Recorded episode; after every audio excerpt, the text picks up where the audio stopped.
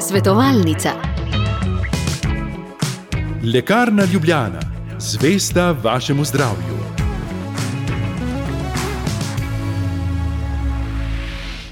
Lepo zdrav, drage poslušalke, spoštovani poslušalci. V tokratni svetovalnici bomo finančno obarvani. Kaj pomeni, da nekdo zna ravnati z denarjem? Ja, verjetno bi bili tukaj odgovori precej različni. Kako pa začeti učiti naše najmlajše, kakšen je pravi odnos do denarja? Kaj pomeni žepnina, kaj pomeni voditi osebni proračun, kako s prvimi zaslužki, kako se obvarovati pred kakšnimi goljufijami in podobno, kako tudi videti posojila in obresti. V našem studiu je danes Jure Ugošek iz mojih financ. Lepo zdrav. Lepo zdrav, dobro jutro. Tudi vodite finančno šolo in tam lahko dobijo številne odgovore na ta že omenjena vprašanja, ampak o tem bova rekla nekaj pozneje. Tudi sam ste oče, Drži. se je teorija od prakse kaj spremenila? Ja, tako v, v bistvu zdaj razumem, v kakšni recimo temu stiski, ampak pred kako težko nalogo so starši, smo starši. Sam sem sin dveh fantov, 4 in 6 let sta stara. Tukaj na začetku se mi zdi, da še ni tako zelo pomembno. No? Je pa pogovor zelo pomemben, da jim razložiš ob vsaki situaciji, kaj se z denarjem dogaja. Ko vprašata, da jim to, te stvari poveš. To se mi zdi, da je dobro, da smo iskreni do njih in da smo nekakšen takšen, probamo biti vzor. Seveda je pa potrebno tako, kot recimo sam v mladosti nikoli nisem igral nogometa, vse čas košarko, ko mi sin reče, oče, naučim igrati nogomet. Fusbal reče, uh -huh. uh, mu seveda zelo težko, kaj dosti pomagam. Ne? In podobno je pri denarju. Če sami, kot starši, ne vemo, kaj dosti o financah, o denarju, potem zelo težko to znanje prenašamo naprej. Nekaj je znanje, nekaj so izkušnje. Kdaj naj začne otrok slediti našim finančnim odločitvam? Um, ali je dobro, da vedo, v kakšni finančni situaciji je družina, da pač so seznanjeni s tem, da pač vsega si ne moremo privoščiti? Um, kako gledate na to, recimo tudi obiskovanje trgovine, usklejevanje njihovih želja in potreb? Ja, tukaj se mi zdi, da je zelo veliko različnih pristopov. Tudi veliko psihologov se je s tem vprašanjem recimo, ubadalo, pa finančnih svetovalcev. In zelo različni so tudi potem odgovori, kaj ne tukaj stori. Se mi zdi, da najbolje, da starši razmišljajo iz sebe, izhajajo iz sebe in to predajo potem naprej.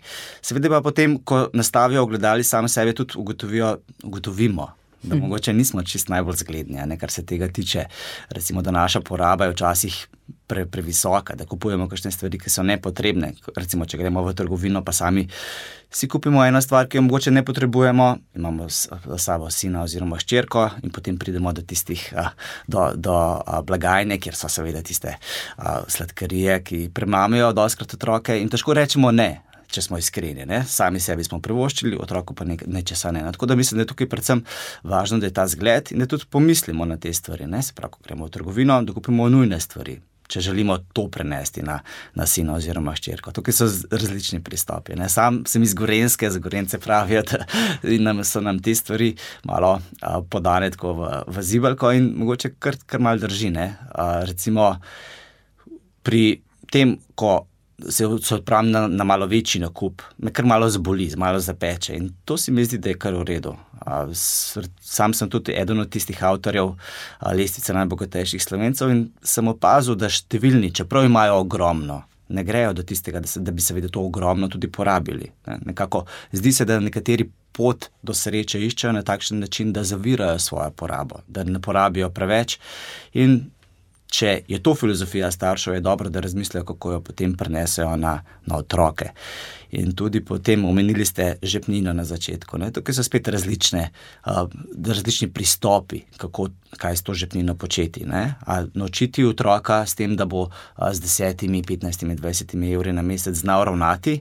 Ali pa mogoče tega denarja sploh ne dati in mu v bistvu pokazati, da denar ne pride kar iz lufta. Ne? In da v bistvu, če dosti kar se potem zgodi, da otrok dobi 20 evrov in potem vse porabi. In v bistvu ve, da, da ti denar vse čas vse porabi. Ne? Če pa mhm. tega denarja nima, pa potem se z denarjem sreča malo kasneje, pa mogoče v bistvu ugotovi, da ta denar ne raste kar na drevesu in da v bistvu je, je potrebno najprej skromen biti in da do tiste potrebe, ki jih imaš, oziroma želje, želje so vedno prevelike, ne, ne samo za otroke, tudi za, tudi za starše, seveda starejše. In da te, da te potrebe oziroma želje niso vedno izpolnjene. Mm. Malce. Um... Kako bi rekel, obvladati te njihove želje, te njihove um, umetno ustvarjene potrebe. Tako, vemo, da so umetno ustvarjene. Ja? ja, vemo, da iz številnih oglasov um, nam vse sorte ponujajo, tako da je res dobro, da se o, tem, o teh stvarih z otroki pogovarjamo, tudi morda o samih oglasih, ne? kako včasih so zavajajoči. Tako. In tukaj vemo, ne, kako dobra je marketinška industrija, sej starši padamo na te trike. Mm. In tudi mogoče dosti krat vidimo zdaj, v, predvsem v decembrskem času, da kakšne trgovske verige poskušajo uh, s kakšnimi, recimo, nakupi na 10-15 evrov, pa dobite zraven neko, neke lego kocke oziroma po, podobne stvari ne, ja, in takšne akcije. In seveda otroci želijo te stvari. Ne, in potem, kar včasih se zgodi, da pa kakšna babica znalaš hodi v to trgovino. Ne, to so take pesti, ki se jim je dobro obraniti.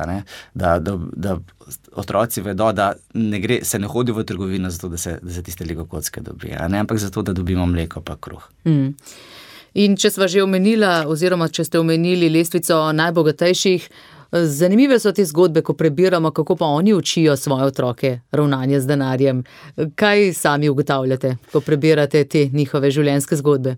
Je težko je zdaj izpostaviti. Posploševati, ja, vseeno.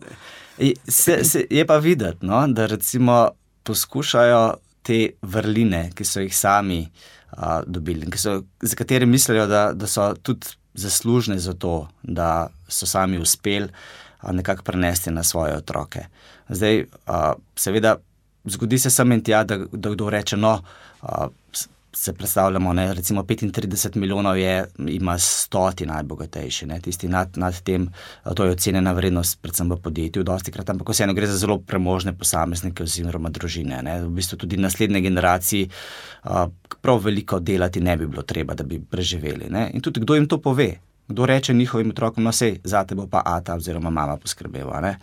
In to zelo ne radi slišijo. No, eden mi je ravno to, to rekel zadnjič, eh, ker želi, da se tudi otrok izkaže v svojem življenju in se, se boji, da bo malo pohabljen, če ne bo a, se trudil za, za, za, za, ta, za to, da bo se preživel. Ne? Ker v bistvu je potem kar malo uropan od tega bogatstva. Kaj pa, kaj pa bi lahko potem počel? Potem ne najde motivacije za učenje, za to, da bi se nažil kakšno službo, ne se ne bi potrudil v življenju.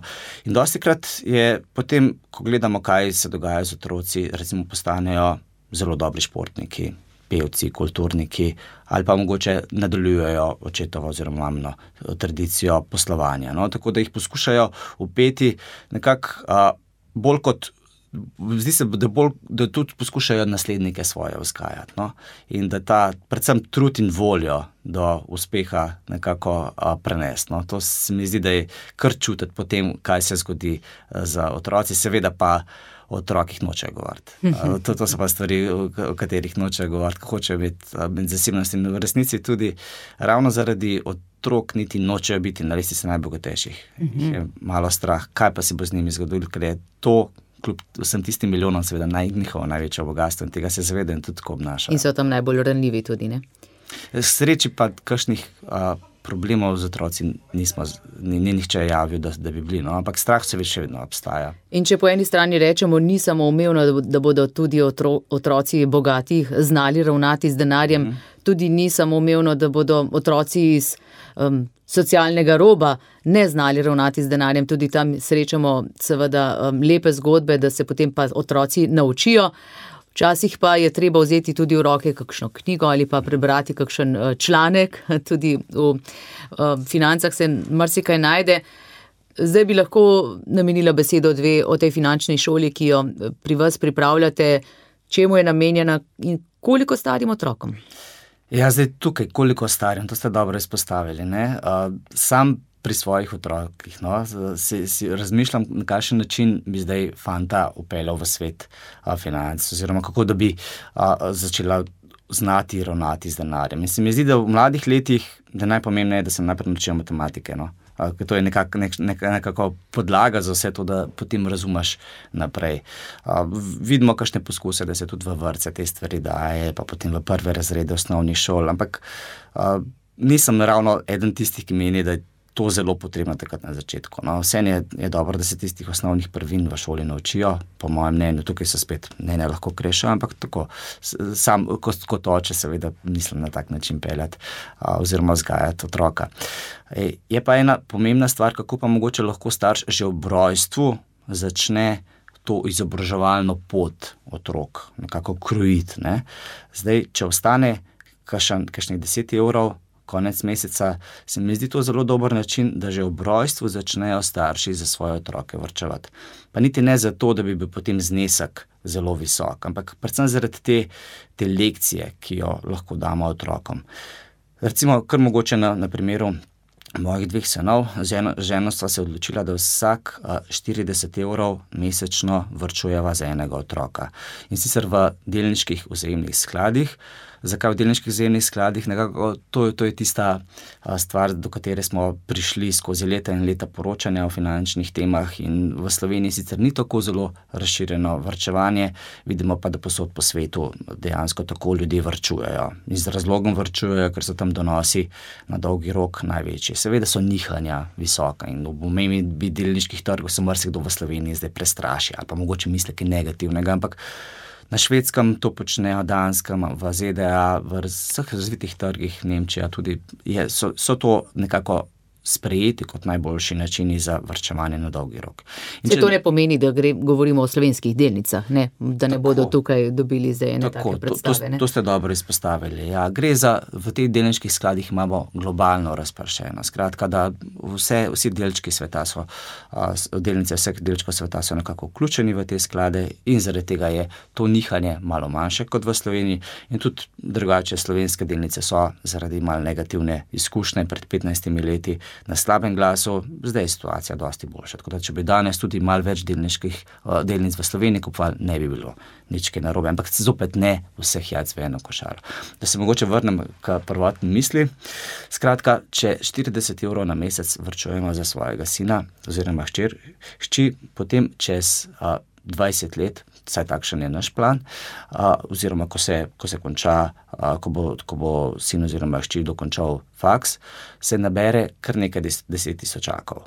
Odvisno seveda, koliko potem še, še kakšna sredstva, potem včasih pridejo, ko babica pa dedek kakšnih 50 evrov dajo za rojsti dan ali kaj takšnega. Potem v tisti šparoče, ko se nabira, To pa je mogoče ena taka lekcija, ne? da fantoma povemo, no, tale denar bomo povzeli ven, ne, pa ga bomo dali v sklade, mm. skozi sko, sko to lekcijo. In potem na koncu, če se predstavljava, da, da ima zdaj a, po, po 20 letih a, pokažemo mladeniču, da zdaj pa ima na vrčevalnem računu 20 ali pa 30 tisoč evrov. Ne? Da mu predstavljamo, kako tiste grafe, kako se je to lepo počasi a, povečevalo ne? na, na tem vrčevalnem računu, je to zelo bogata lekcija. Zdaj, ta posameznik bo razumel, kako obrestno obrestni račun skozi leta deluje in kako se premoženje ustvarja. In to se mi zdi, da je tista najboljša lekcija, ki jo lahko dam svojim otrokom, in tudi mislim, da bi bil lahko na svetu ostalim, ker je nekako takšna osnovna stvar, ki se jo posamezniki po celem svetu. Vsaj tisti, jaz bi rekel, finančno pismeni posamezniki lotevajo. Recimo v ZDA na takšen način starši vrčujejo za upisnino na fakulteto za svoje sinove. Ja. V Sloveniji je javno šolstvo, to ni potrebno, ampak kaj pa vemo, kaj bo čez 20 let. Točno tako. In če um, lahko usvojijo te osnove, se pravi vrčevanja, po drugi strani pa tudi glede posojil, ne, se mi zdi, da je tudi tukaj. Finančna pismenost je zelo nizka, marsikdo misli, če pa dobim posojilo, ga bom pa vzel, ne, zakaj pa ne.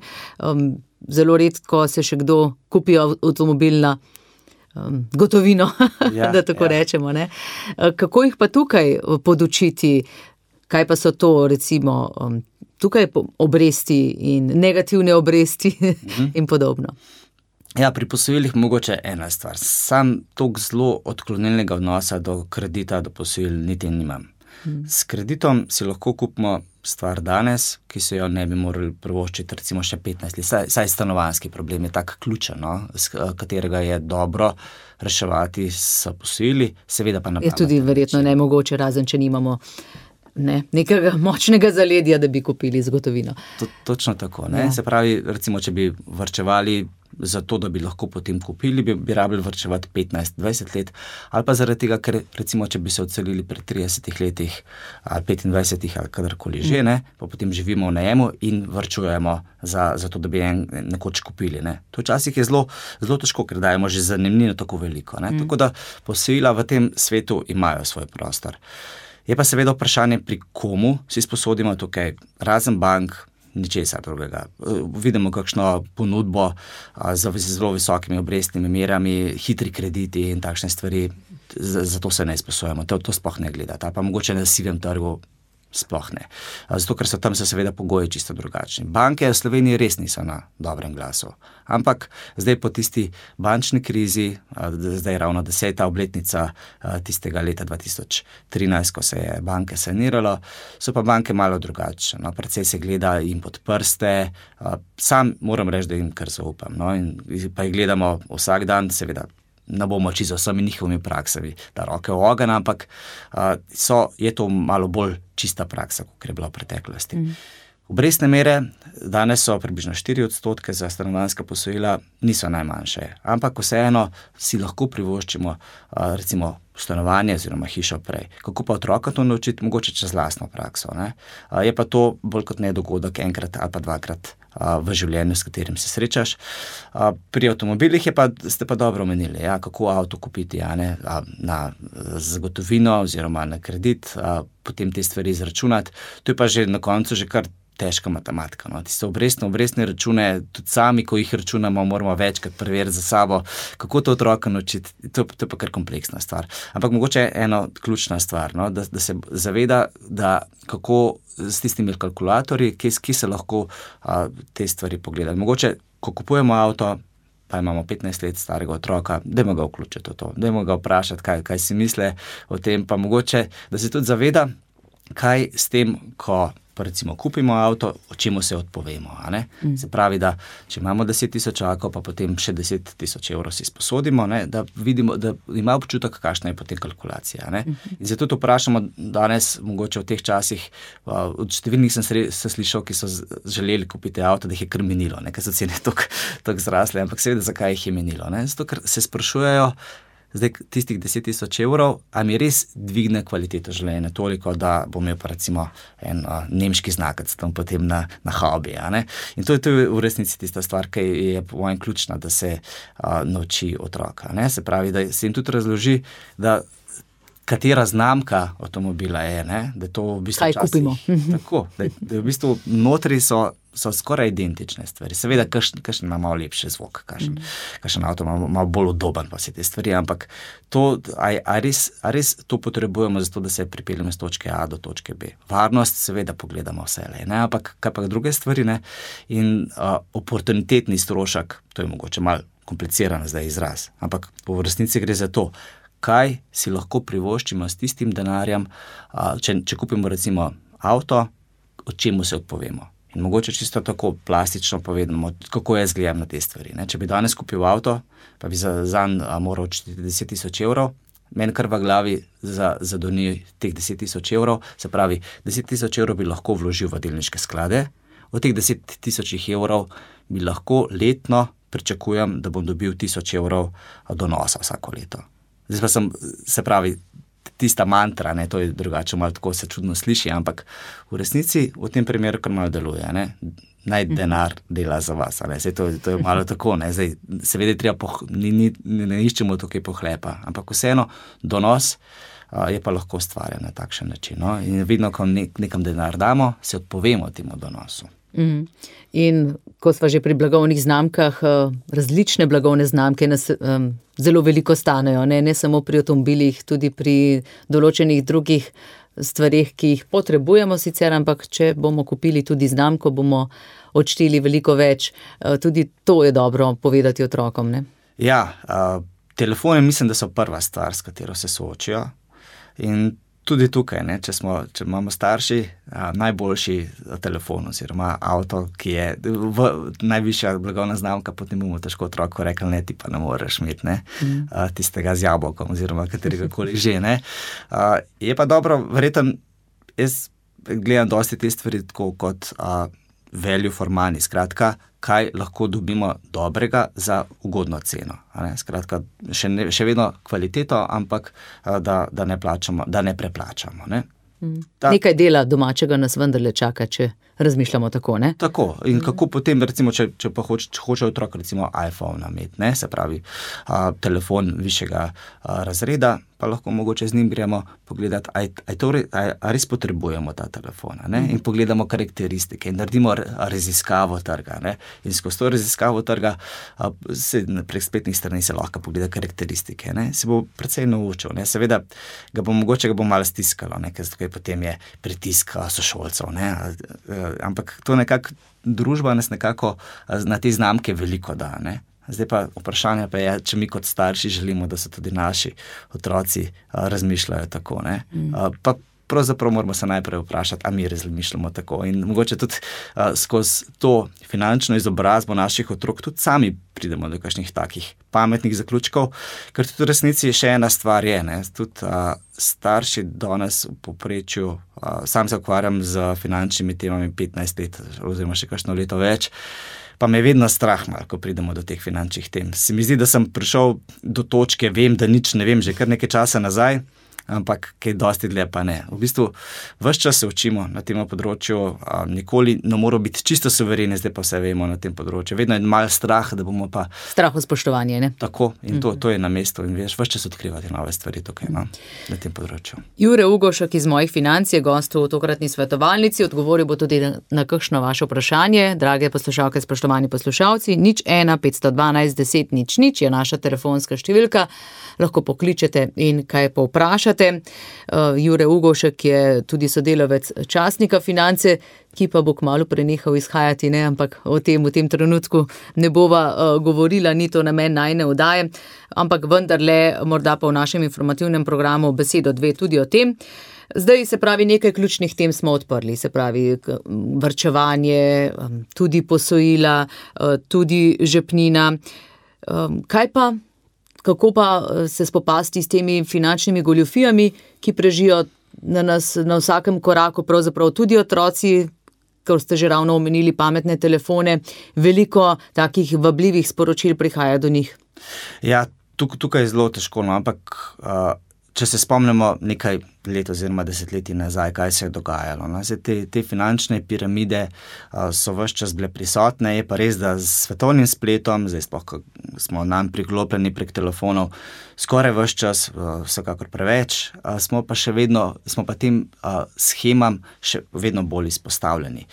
Uh, in kako se na, na nje nekako odzvati, mogoče tako, da se, v, se dojamemo mi, kot starši, najprej in potem prenašamo naprej na otroke, da tisto, kar se sliši prelepo, vse povezano s finančnimi trgi, z donosi, je ponavadi res prelepo, da bi bilo res. Mhm. In recimo, če kdo obljublja donose više od desetih odstotkov na leto. Je to zagotovo neresnično, ker če se takega ne moremo imeti. Enkrat sem izračunaval, kaj bi se zgodilo, če bi nam nekdo obljubil približno 30-odstotno donosnost na leto in bi van, v, v, v to schemo vložili uh, točne številke, ne vem, mislim, da 5000 ali pa 10.000 evrov. Kaj bi nastalo v 50 letih? In sem prišel do izračuna, da bi nastalo 3 milijarde evrov.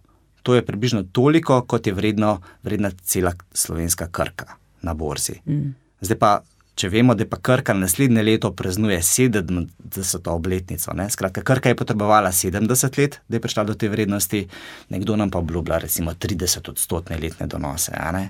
To je nerealno, skratka, so te stvari, vse, kar je deset, na 10 odstotno donosnost, je nerealno. Je pa res ena, ena past. Sam sem izhajal v, iz generacije, ko, ki se je navduševala nad borznimi trgi v letu 2005-2006 in takrat so bile recimo donosnosti tam najvišje 100 odstotkov na leto. Ampak tisto, že to, kar smo ravno kar mm. omenili, ne, je nerealno visoko, da bi to kar vedno bilo. Ne. ta generacija pa je izpostavljena donosnostim, ki so pa predvsej više na kriptotrgih. V resnici so bile tudi po 10 tisoč odstotni in podobni. Ne? Zdaj pa kako obvarovati in jim povedati, da je to enkratni dogodek, to je zelo pomembno, da starši povemo. Ne? Skratka, ne moramo se kar zdaj vsi na tem svetu upokojiti, zaradi tega, tako da bi vložili v kriptovalute. To preprosto ne gre. Potrebno je delati, ustvarjati nove stvari in na tak način a, potem tudi a, plemeniti svoje, svoje premoženje. Skratka, hitrih zaslužkov ni. A, Vsekakor niso za vse. ja, oziroma, če so, so, je, so produkt izjemne sreče. Mm. Ne pa znanja. Tudi, če se mogoče vrnemo k lestvici najbogatejših, gre za posameznike, ki pravijo, da so bili zelo sposobni, za katere mi lahko ocenimo, da so mhm. zelo sposobni, izobraženi, zelo delavni.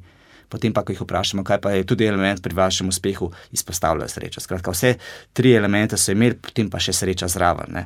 Zdaj, da bomo pa mi imeli samo srečo, pa ne, ne drugih a, plati, je pa zelo težko pričakovati. No? Poklical je poslušalec Edi, prisluhniva. Dobr dan, Edi. Ja, dobr dan. Kako je za obdavčitvijo dobička, če imaš na, na trgu uh, določeno vsoto, kakorkoli, jaz sem v Petriglavu, a se, se pravi delnice. Plačuje vsako leto dobiček, pa ne dvigaš, ali je takrat, ko dvigtaš, pa mm. imaš nek dobiček. Se, se pravi, ko imaš delnice, kako je z, ja, delnice, z davki? Kakor, Dobro, na kapitalskih trgih. Ja. Hvala lepa, Edi. Ja, gospod, hvala lepa za zanimivo vprašanje. Malce drugače, kot sva zastavila svetovalnico, ampak nič hudega. Ne? Ja, vse, vse sva rekla. Ne, najprej moramo sami razumeti finance, Seveda. potem jo lahko prenašamo na naslednje generacije. In davki so pomembni. In, in v Sloveniji je občutek, da so davki, mogoče tudi ne najbolj lažen občutek, da so davki visoki, previsoki za vlaganje, ampak mislim, da nas ne sme odvrniti od tega, da bi vrčevali. In v konkretnem primeru sklepam, da gre za vzajemne sklade, ali pa tudi za delnice. Če držimo delnice oziroma vzemne sklade, potem se davek od dobička plača takrat, ko prodamo. Je pa tukaj še en, ena plat, se pravi, če imamo delnice, recimo. Nove Ljubljanske banke ali zavarovalnice Triglav ali podobnih stvari, pa dobivamo tudi dividende. Ne? To je mm. tisti del, ki ga podjetje nameni od dobička uh, svojim delničarjem. Ne? In od tistega pa se plačujejo davki, ampak mogoče posameznik niti ne ve. Če imamo recimo mi 5000 evrov vloženega v eni od teh slovenskih delnic, potem dobimo za dividende recimo nekih 200-300 evrov, kot bi bil znesek ponovadi na leto.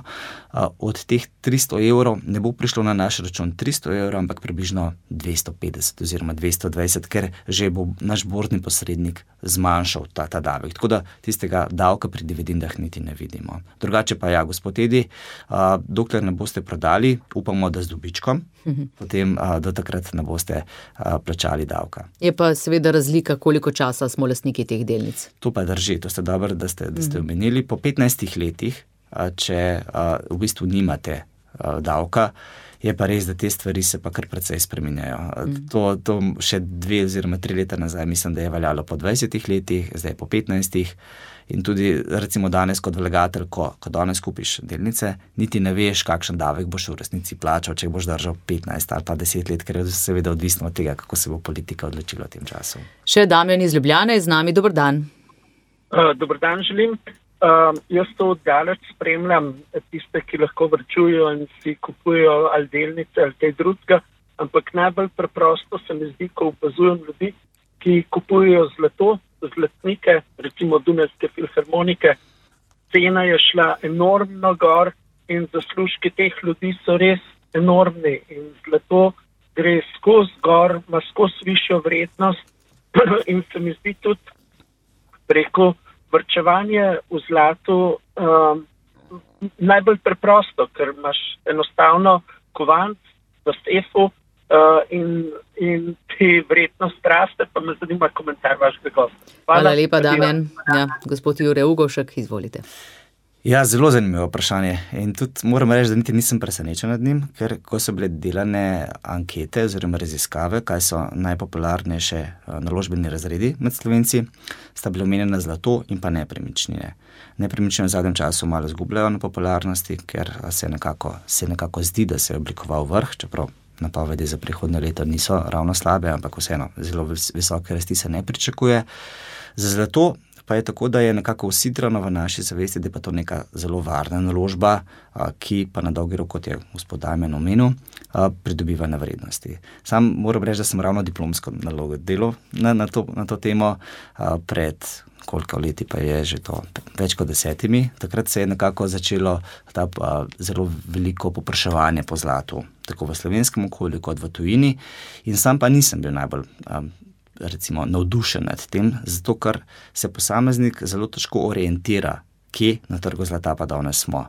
In tudi donosnost, kar sem ugotovil skozi, to nalogo in tudi a, sicer, a, ko pišemo v, na mojih financah, pa financah o teh rečeh, je nižja od donosnosti na delniških trgih.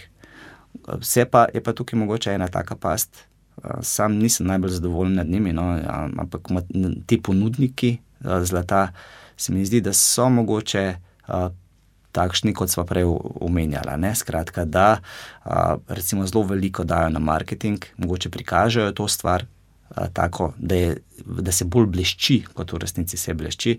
In tukaj bi mogoče upozoril, no, da če so a, poslušalci navdušeni nad zlatom, da van ne vložijo več kot 10% tistega, kar imajo namenjeno za vrčevanje po teoriji finančni več kot 10% nikoli, kot rečeno, sam pa v svojem portfelju nimam nič zlata, ker se mi ne zdi najbolj optimalna naložba. Pa tudi, če pogledamo te grafe, zelo niha, tudi na vzdolj, nažalost. Na, na no. uh mhm. -huh. Je pa res trenutno gledano nominalno, skratka. Brez da upoštevamo inflacijo, je na vrhu, ampak moramo, moramo tudi vedeti, ne, da je inflacija v zadnjem času bila 17-odstotna. In če smo kupili pred a, dvema letoma zlato, in do danes v bistvu smo kar a, tam tam, ne? če poštejemo, da je kupna moč, da je inflacija tako visoka. Pri koncu oddaje sva, ampak mislim, da se je zdaj le pri marsikomu utrnilo vprašanje, ko sva ravno pri zlatu. Kaj pa, če bi kupili za darilo rajnik kos zlatega nakita, kot pa dali, ne vem, otroku 50 evrov ali pa kaj več? Kaj pa menite o takih darilih? Ja, dobro vprašanje. Tukaj se mi zdi, da se mora sam vase zagledati, kaj hoče s tem darilom v bistvu narediti. Zdaj, če hočemo za neko lekcijo, se mi zdi, da, da so res najboljši neki, neki skladi za dolgi rok in skozi to gledam. No? Kot, kot darilo pa 50 evrov, ja, se, se sliši kar visok znesek. Ves čas pri, pri tem a, ravnanju z denarjem se mi zdi, da a, manj je več čim, čim dajemo mogoče velike darove. Ne, recimo uh, pri kakšnih posebnih priložnostih. Seveda, ja, mogoče ja. za, za kakšno upravljeno, uh, kakšno dobro oceno oziroma kakšna taka ja. posebna stvar. Ja, težko vprašanje. Mislim, da uh, sam, sam mogoče... Se ne bi nagnil k temu.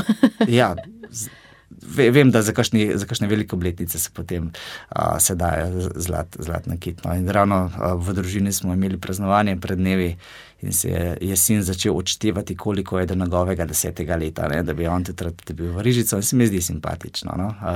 Res, ja, ali bi mu pa raje dal. Tudi fanti radi vidijo, da se kaj sveti. tako, tako, nekako se mi zdi, da je videl to potem pri mami in se mu je dopadlo. Zanimivo, ja. Hvala lepa, Jure Ugošek iz mojih financ je bil naš gost v tokratni svetovalnici, nekaj, um, nekaj razmišljanja, nekaj teorije pa tudi nekaj iz lastnih izkušenj eh, sva navrgla, oba skupaj se mi zdi. Hvala lepa in seveda vse dobro tudi naprej, um, tudi pri izvajanju te finančne šole, ki mislim, da je kar priljubljena. Ne? Ja, vidi se, da se krepi zanimanje za finančno šolo, mogoče še, še to prej nismo omenila. Mhm. Finančna šola, dva, dva vidika finančne šole sta. Torej, starši lahko pošljajo svoje otroke na izobraževanje, so med poletnimi počitnicami, jesenskimi in zimskimi potekajo, hkrati pa izvajajo izvajamo šolo za učitelje, ki pa potem v, v šolah prenašajo znanje naprej skozi krožke oziroma skozi pri svojem rednem predmetu. No, s temi stvarmi se ukvarjamo deseto leto in se mi zdi, da je pozitiven trend zanimanja za te stvari, kar je za družbo dobro. Vsekakor. Hvala lepa in vse dobro. Hvala lepa in lepe praznike želim. Hvala. Odaj sem pripravila Tanja Dominko. Svetovalnica. LL Viva, specializirana prodajalna z medicinskimi pripomočki. LL Viva.